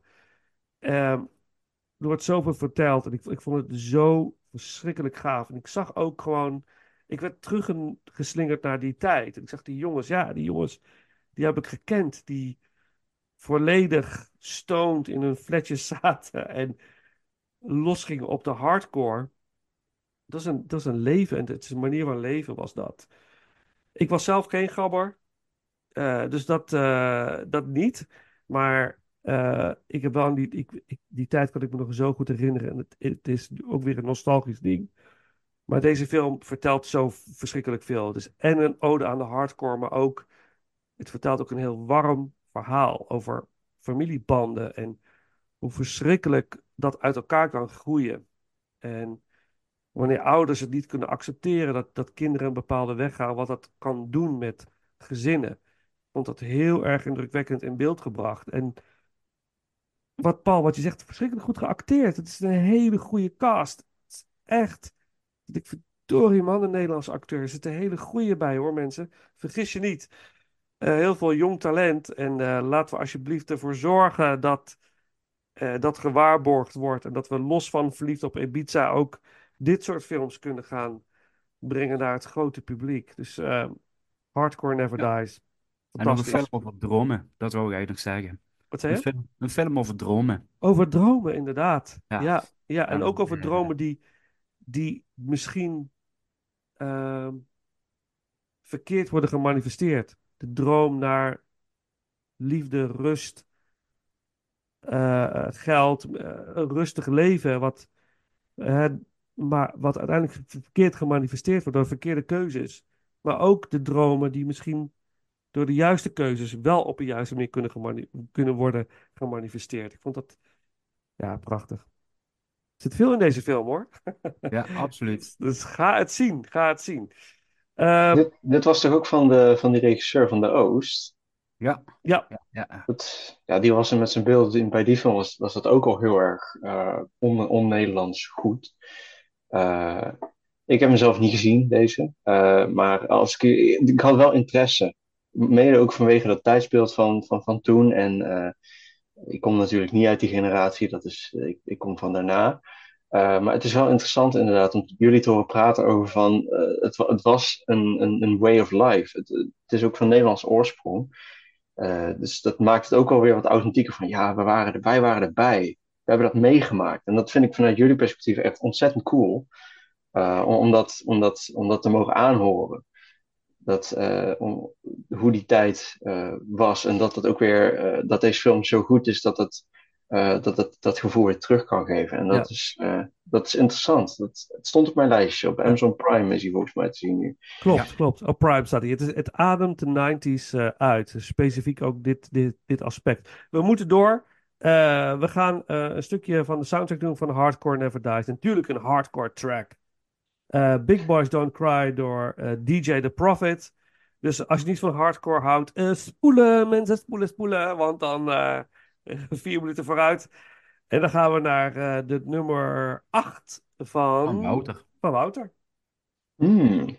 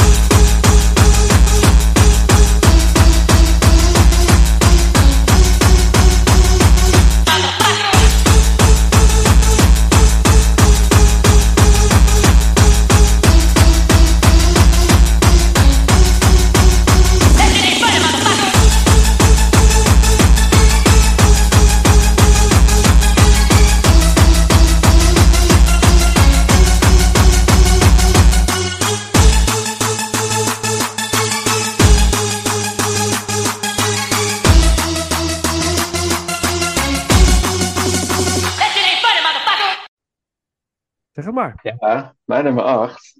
ik hoorde het woord net al voorbij komen. En, en het merk. Oh. Het, w- Ja. Air. Air. Air. De film Air. Air. 2023. Air. Niet gezien. Niet Ja, gezien. Nee, dat Absoluut niet. Absoluut doen, inderdaad. De- de- deze is zo onder de radar gegaan hier in Nederland. Dat is echt niet gezond. Eh, ja, echt, ik meen het. Deze is Nee, hier volgens mij op. snap eh, deze, is hier, eh, deze, deze is hier op Amazon Prime volgens mij eh, alleen gereleased. Maar mijn god, het zou echt zo'n leuke bioscooprelease zijn geweest. Ik heb hem in de bioscoop eh, gezien. oh, echt? Ja, Waar, waar heb jij hem gezien? ja, gewoon hier, gewoon in Sittard, eh, in Dat meen je niet. Ja, hij, heeft- Oh, hij heeft wel in de bioscopen gedraaid, maar wel inderdaad minder en eh Hmm. beperkte oplagen, laat ik het zo zeggen. Dan moet ik dat net gemist hebben toen het, eh, toen het er was. Oh, dit is, dit is, eh, deze, waarbij jullie net zeiden van eh, eh, Hardcore Never Dies breathes the 90s. Het ademt de jaren 90 uit. Deze film ademt de jaren 80. De visuele stijl, het script, de stijl waarin de film gewoon is opgenomen. Het is allemaal zo vlot en de dialogen zijn zo intrigerend. En eh, ik krijg je zo'n gevoel van zo'n office film van die, van die tijd. En deze film gaat dus inderdaad, eh, als Air het over zegt, gaat over Nike. Nike, Nike het bedrijf Nike. Ehm, en de, ehm, de opzet van de Air Jordan line. Van hoe ze eh, Michael Jordan ehm, bij Nike wilden betrekken om met, met, met zijn eigen schoen, hè, met zijn eigen schoen. En natuurlijk, de geschiedenis spreekt voor zichzelf. Dat is natuurlijk gelukt. Dus opnieuw, eh, zoals ik bij Dungeons Dragons ook al zei, de voorspelbaarheid eh, werkt ook in het voordeel. Want ehm, iedereen weet natuurlijk dat het hem lukt.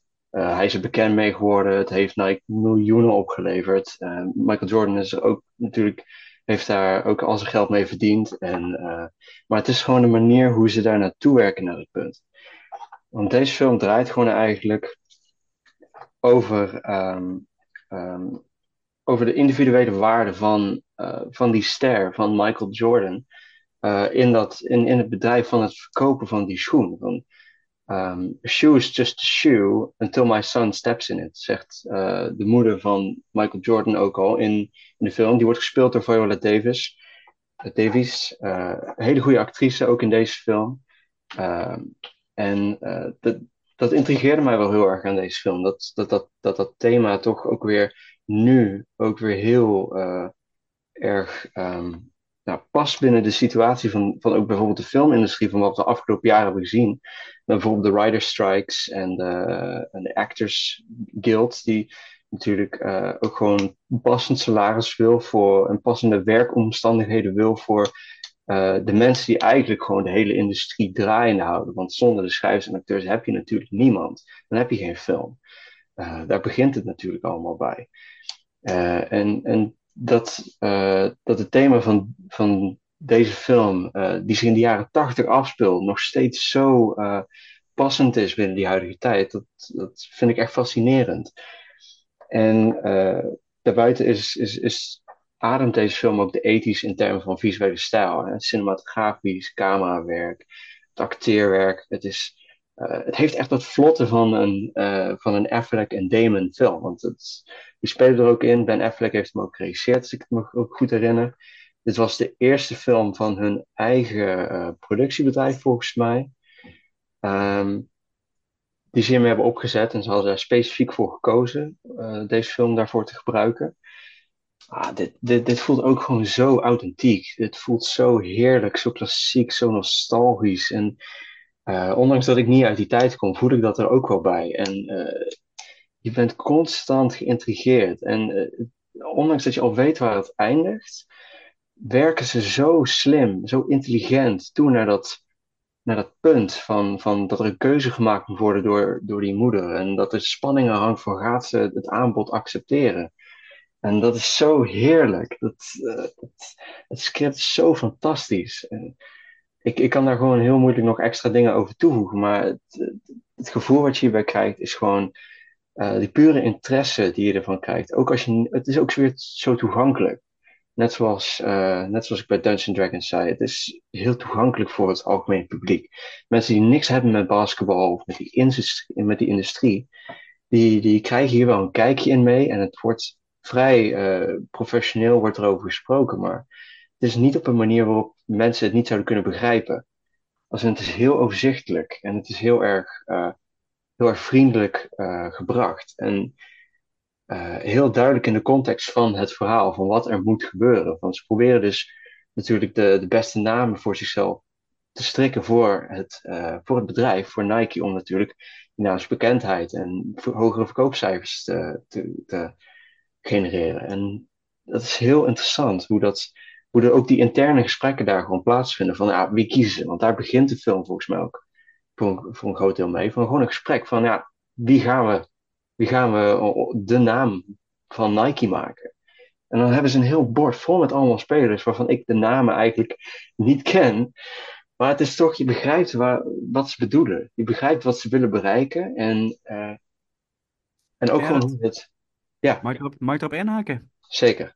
Nou ja, de, de, de, film gaat eigenlijk over het binnenhalen van Michael Jordan. Eh, maar alleen dat is gewoon een complete gamechanger geweest in sponsoring, eh, atleten binnenhalen. Eh, en Michael Jordan is daar gewoon echt de pionier in geweest. Nou, beter gezegd, de moeder van Michael Jordan. Die is, die is degene geweest die, ehm, die ja, zeg maar, de, de, de gouden deal heeft voorgesteld eh, aan het karakter van Matt Damon. Want hij is de, de, de sales manager die de, die de alleen moet binnenhalen. Ja, en dat is gewoon een, een, een, een spel wat wij spreken Wall Street wordt gespeeld. Maar het wordt op zo'n leuke manier gebracht. En ik wil het niet zeggen dat dat toen ook leuk was. Maar het wordt zo toegankelijk en zo eh, vrij gepresenteerd. Dat het echt bijna een feel-good movie is. Wat eigenlijk precies. jaar is. Ehm, ik heb hem in de bioscoop gezien. Eh, hij is, hij is, hij is, dat is een van mijn afvallers van mijn top 10. Ik denk als we een top 15 hadden gehad, had hij zeker erin gestaan. Ehm, eh, want dit was ook weer voor mij gewoon echt een verrassing, deze film. Ehm, niet, eh, wat voor mij ook een verrassing was, dat hij twee dagen later op Amazon Prime kwam. Maar dat, dat was even een hele slechte Hij staat dus op en- Prime. Ja, ik, ik heb Hij ook- staat op Hij Amazon staat, Prime. hij staat Ja, gratis op Prime, ja. Ik moet Ja. hem gaan kijken. Ja, ik heb Prime sowieso, dus ik ga hem, eh, ik ga hem kijken. Ja. Ja, dit, eh, het, is ook gewoon het feit van, blijk, blijkbaar was het dus ook, eh, was het eigenlijk omgekeerd in de realiteit. Blijkbaar had Nike de, het, het, het bod gedaan aan de moeder van eh, Michael. Michael Jordan. Misschien Maar ik de het ook film, onverkeerd, eh, was het in de ik, film wel goed gebracht. ja, in de film was het echt, door, door het omgekeerde te doen, verhogen ze ook gewoon die spanning. Want dan komt het, het, eh, de, de onderhandelingen komen dan niet vanuit Nike, maar vanuit de persoon van de, de, de moeder van Michael Jordan. En dat geeft ook wel een grotere lading, want, dat, want daaraan voel je dan ook in één keer van dat, dat personage van Matt Damon daar echt gewoon voor moet gaan werken. Van ze moeten nu echt gewoon met een goede reden komen en met een goede deal komen om deze onderhandelingen goed af te ronden. En de spanning die daar Ja. omheen hangt is echt Matt fantastisch. Damon kan het zo goed om die, die, die gewone man te spelen die, Ja. die een extraordinaire eh, opdracht moet vervullen. Dat kan hij Precies. dat, dat heeft hij in meerdere films en hij kan het zo goed. Ja, dat, dat, dat, dat is bijna gold in the pocket. Eh Ja. Ja, ik, ga, ik denk dat ik, eh, ik, ik weet nog dat, eh, en dan, dan moeten we door naar de volgende film, maar dat, eh, ik moet deze film gaan zien, want ik weet nog dat in de jaren 80, eind jaren 80, dat vrienden op school ineens Air Jordans gingen en dat Michael Jordan was ineens, uit het niets was Michael Jordan ineens het. Ja. En niemand keek basketbal op school toen, want het was gewoon niet zo toegankelijk. Je Ja, had Euro- Eurosport had je volgens mij op tv of zo, maar dat was niet eens toegankelijk voor iedereen. En, maar Michael Jordan, Michael En Jordan. basketbal is geen sport in Nederland, hè? Nee, het was echt. Dus Nee. daarom, en dat Maar- heeft echt, eh, dat is, dat heeft zo'n impact gehad. eh, eh, Ongelooflijk, als ik dit hoor. Kijk naar het binnenhalen van Michael Jordan, gewoon wereldwijd. Ja, Eh, maar dat, dat, dat, dat die gastjes waarmee ik op school zat, gewoon, dat we wisten helemaal niet wie Michael Jordan was. Wisten wij veel, we wisten echt helemaal niks. En dat dan ineens Air Jordan ineens een, een merk was wat iedereen moest hebben. Vanuit het niets. En ik weet dat, ik, dat, ik vind dat heel bijzonder. Ik ga deze film kijken. Vind Ja, ik, het- gewoon, dat is ook de hele reden waarom dit nu op mijn nummer 8 staat in, in, in mijn top 10. Want deze film is niet alleen qua, qua eh, filmische kwaliteit, dus cinematografisch gezien en qua acteerwerk en script en zo, is het allemaal echt gewoon bijna flawless gewoon. Eh, en de nostalgisch gevoel wat eraan vast zit, maar ook gewoon dat, dat, ook gewoon die, dat, dat thema wat eraan vast zit. Gewoon de hele, het hele idee achter eh, de, de ster, eh, Michael Jordan als de ster van de schoen. Hè? De schoen bestaat niet zonder, Air Jordan bestaat niet zonder Michael Jordan. Mhm. Dat, dat gewoon de, de toepasbaarheid op, op de huidige eh, industrie, niet alleen in de film, maar ook gewoon echt in heel veel werkgebieden, niveaus, is dit nog steeds gewoon heel erg toepasbaar. Van, van het, het- je hebt vaak niet meer door wie, wie nou werkelijk de ster achter een bedrijf is, maar het zijn juist de, de mensen die, eh, die er echt hard voor werken, hè? De, de- waarbij het begint, Ja. die, eh, die echt ook, ook te weinig van de credit krijgen eigenlijk, die, er, die, eraan, die eraan vastzit. En, en ja, de filmindustrie is natuurlijk nu het huidige eh, voorbeeld van, omdat dat natuurlijk helemaal misliep afgelopen jaar. Met al die stakingen. En, en terecht ook hoor, terecht. Eh, dus vandaar dat dat eh, ook gewoon eh, op mijn, in, mijn, nummer- in mijn top 10 eh, lijst terecht is gekomen. Gewoon, Fantastisch. i- het is iconisch gewoon. Ik ga je onderbreken, Wouter. We moeten door. Ja, fantastisch. Nou, Money for Nothing van de Dire Straits. Jaren 80 nummer, wat gebruikt wordt in deze film. Laten we die voorbij laten komen. Uit Air. Heel verrassend, leuk. Oké, nou, nummer 8 voor jou, Paul. Want mijn nummer 8 is al geweest, dus zeg het maar.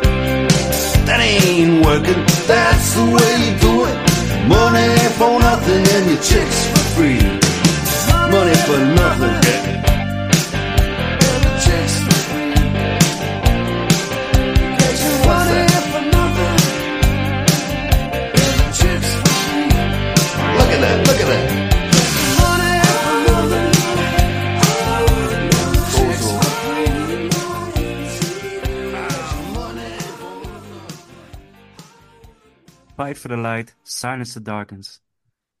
Sound of freedom. Ah, gelukkig. Ja, ja, ja. Ik, ik kon deze film niet negeren. Ehm, ehm, kort samengevat, het verhaal gaat over, eh, het is een beetje semi-autobiografisch, eh, over eh, Tim Ballard, is een, werkt voor de CIA. En hij, hij neemt, ja, zoals het hier dan staat, op een dag ontslag om eh, een nieuwe, uit, eh, nieuwe missie uit te voeren. En dus eigenlijk kinderen uit de handen van de kartels en de mensenhandel te redden in Colombia. En eh, hij gaat er heel ver in. Ehm, ik, ik moet eerlijk zeggen, de, de, de, de- film kent zijn, zijn zwakheden, om even zo te zeggen. Dus het is geen perfecte film. Ehm, het, denk het laatste uur is het bijna een standaard film. Is het, eh, ik wil nog net niet zeggen pief paf poef, maar eh, is het eigenlijk niet een hele bijzondere film. Maar wat voor mij eh, het heeft doen besluiten om deze op mijn nummer 8 te zetten, is eigenlijk de impact van deze film. Zowel eh, land, landelijk, zeg wereldwijd gezien, maar ook vooral voor mezelf. Ehm, ik, ik heb deze film in de bioscoop gezien. Ik weet dat ik na 20 minuten kijken, dat ik kotsmisselijk was en ik echt dacht van, als de film deze toon weet aan te houden, weet ik niet of ik verder ga kijken in deze film en dat ik gewoon in de pauze wegloop of misschien eerder. Het heeft er vooral mee te maken, de eerste 20 minuten wordt de film zo knijterhard door je strot geduwd wat betreft de boodschap over eh, mensenhandel, met, met name kleine kinderen. Eh, kleine, ja, handelen in kleine kinderen voor, voor, eh, ja, voor entertainment van viezerikken, laat ik het maar even zo zeggen. Dit, dit, dit raakt je als jij, eh, als jij een bepaalde levenservaring hebt, raakt dit je knijterhard, zeg maar. En ik was niet alleen bij de film en degene die me mee was, die zei op een gegeven moment ook van, gadverdamme, waar zitten we hier aan te kijken? Ehm, eh, ik zeg erbij, we hadden het alle twee echt onderschat. Ehm, dat, dat de boodschap zo knijterhard door je, in je gezicht geslagen werd de eerste 20 minuten. Gelukkig eh, draait hij op een gegeven moment om en wordt het, wordt een meer toegankelijke film. En ehm, volgt hij meer de, de bekende paden die we vaak in deze films toch gezien hebben. Eh, dus, ehm, maar ehm, deze film weet wel iets neer te zetten. En weet iets in, heeft bij mij tenminste enorm iets losgemaakt. Er zit ook een aftercredit eh, filmpje zit erbij van de acteur. die, die een bepaalde boodschap overbrengt. Eh, de acteur eh, die, die eigenlijk blijft benadrukken van ja, dat het dus een harde realiteit is. Dat we gedurende het kijken van deze film weer een x aantal kinderen ontvoerd zijn voor eh, verkeerde doeleinden, zeg maar. Eh, en dat, dat, dat, dat is wel iets. eh, deze film is eigenlijk een uithangbord voor deze, eh, ja, voor deze nare industrie die niet, eh, waar men de ogen niet voor mag schuilen, eh, sluiten. Sorry. En dat, dat is iets wat ik, wat ik ehm, ehm, enorm hard vond in deze film. En dat ik daar echt wel even heb moeten slikken. Ik weet dat er mensen zijn die, die, die... Er zijn heel veel verschillende meningen over deze film. Er- er zijn eigenlijk voor- en tegenstanders. Ik, ik pretendeer niet dat dit de beste film is van 2023. Eh, de film zelf, eh, wat ik ook al aangaf, heeft echt wel zijn gebreken. Eh, dus, dus, dus, maar de impact, de boodschap die die bracht, die is voor mij wel hard. En ook heeft me echt geraakt, zeg maar.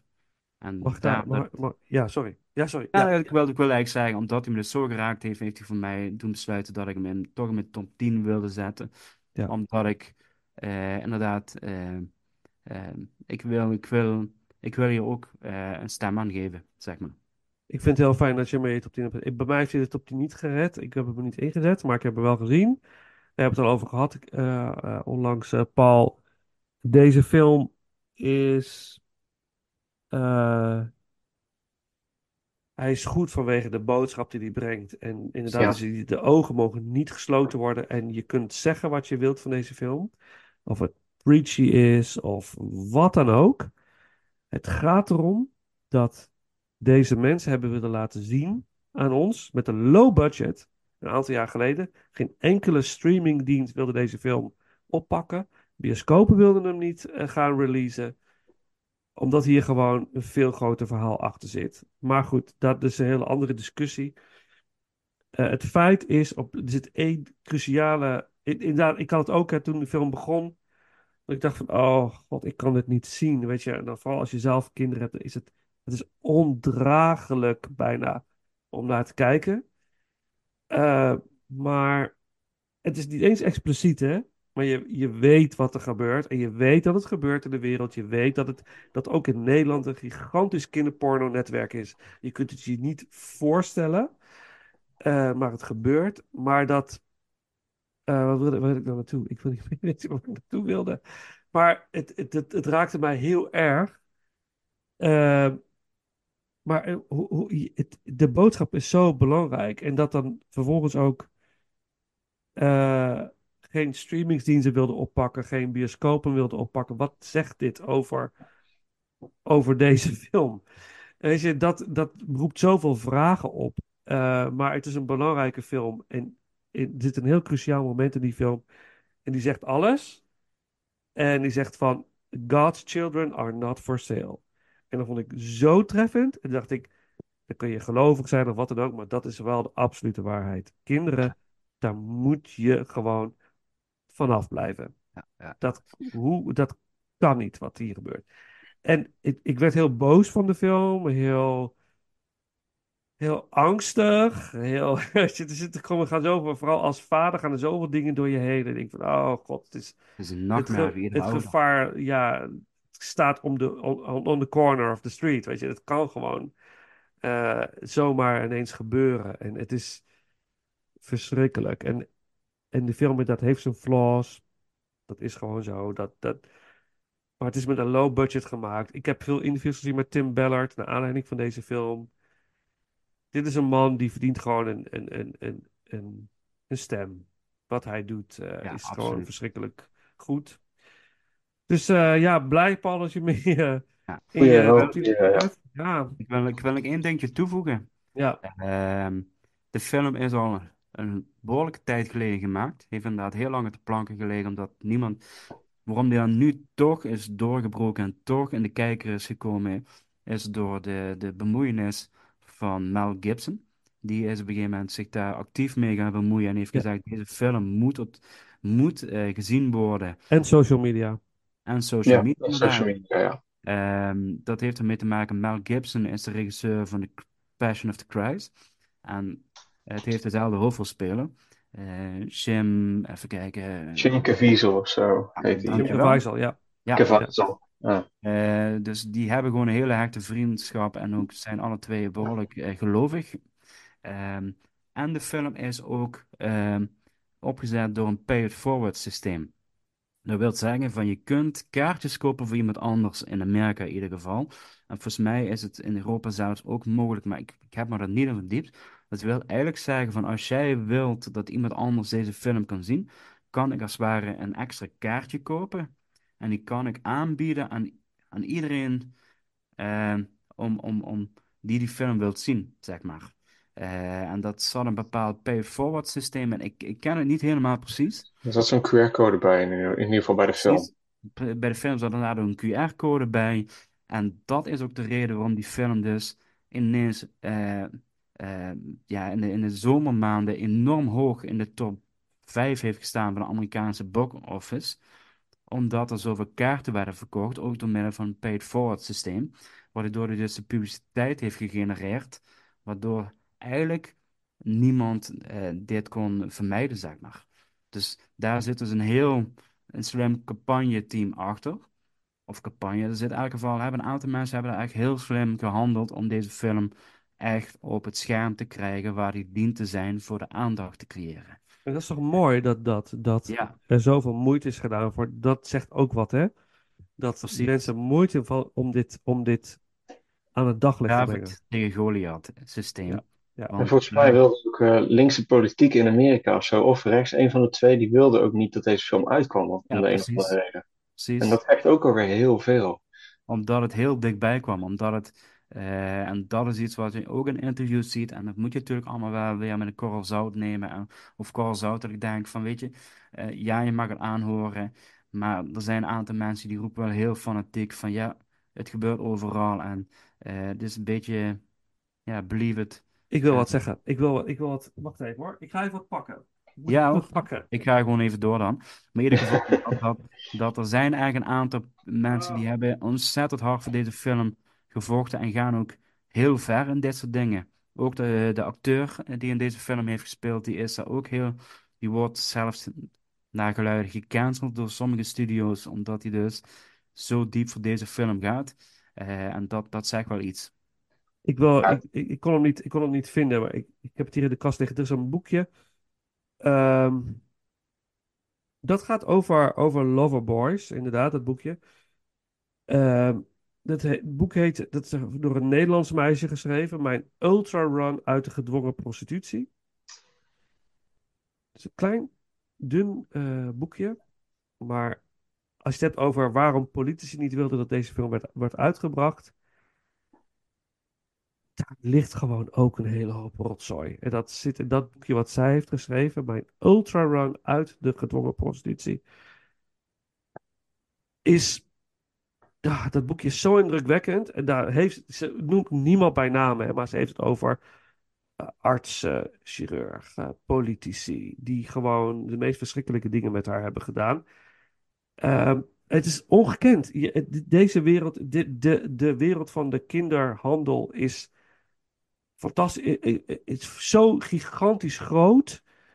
En dat ehm, op een gegeven moment wordt in de film ook gezegd: eh, cocaïne kun je verhandelen, dat is meteen weg.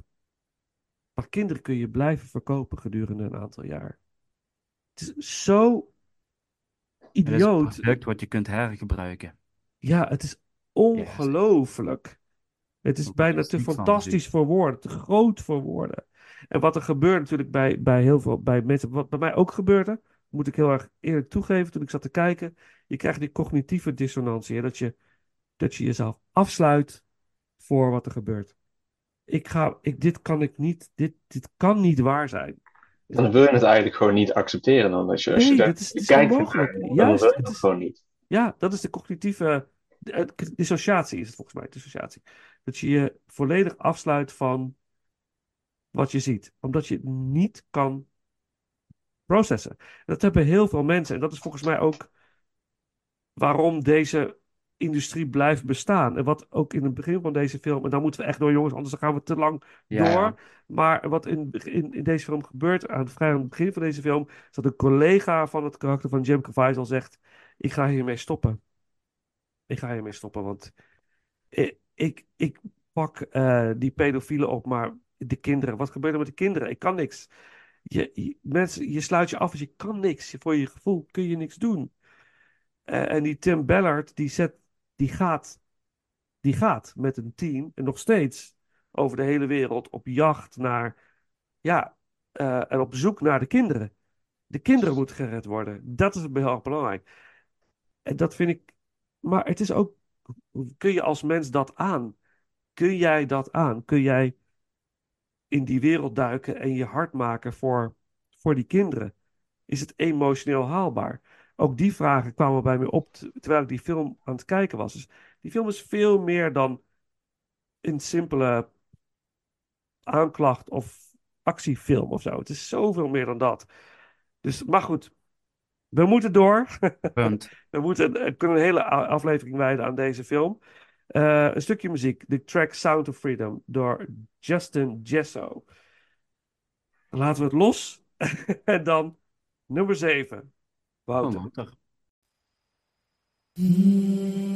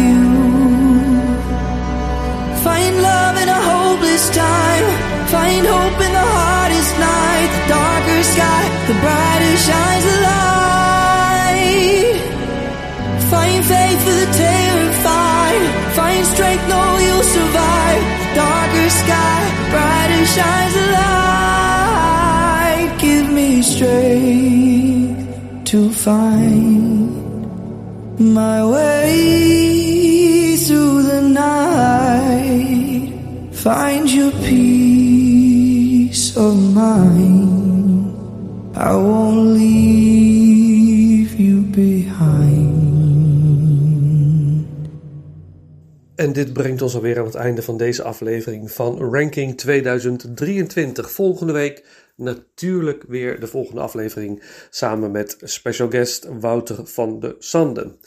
Eh, natuurlijk zijn we ook benieuwd naar jouw 2023 ranking. Die mag je met ons delen als je dat wil via de bekende social media kanalen. En het zou heel leuk zijn als je ergens voor ons een review achter kan laten. Zodat ook weer eh, nieuwe luisteraars onze podcast kunnen vinden. Nou, we begonnen deze aflevering met een fragment uit de film Dungeons and Dragons Honor Among Thieves. En eh, na de intro hoorden jullie de track The Warrior door de groep Scandal. Eh, met Patti Smith eh, in de vocals. Echt een jaren 80 nummer. eh, dat wordt gebruikt in de film Cocaine Bear. Ehm, we gaan de aflevering afsluiten met een track die in twee films wordt gebruikt eigenlijk. Maar eentje komt uit 1984 eh, en de andere uit 2023. En ik heb het over de film Air. Daarin wordt het nummer Axel F van Harold Faltermeyer gebruikt. En deze is natuurlijk ontzettend bekend geworden door de film Beverly Hills Cop uit 1984. Goed, nou... eh, dan rest mij niks anders om te zeggen. eh, bedankt voor het luisteren en tot de volgende ronde.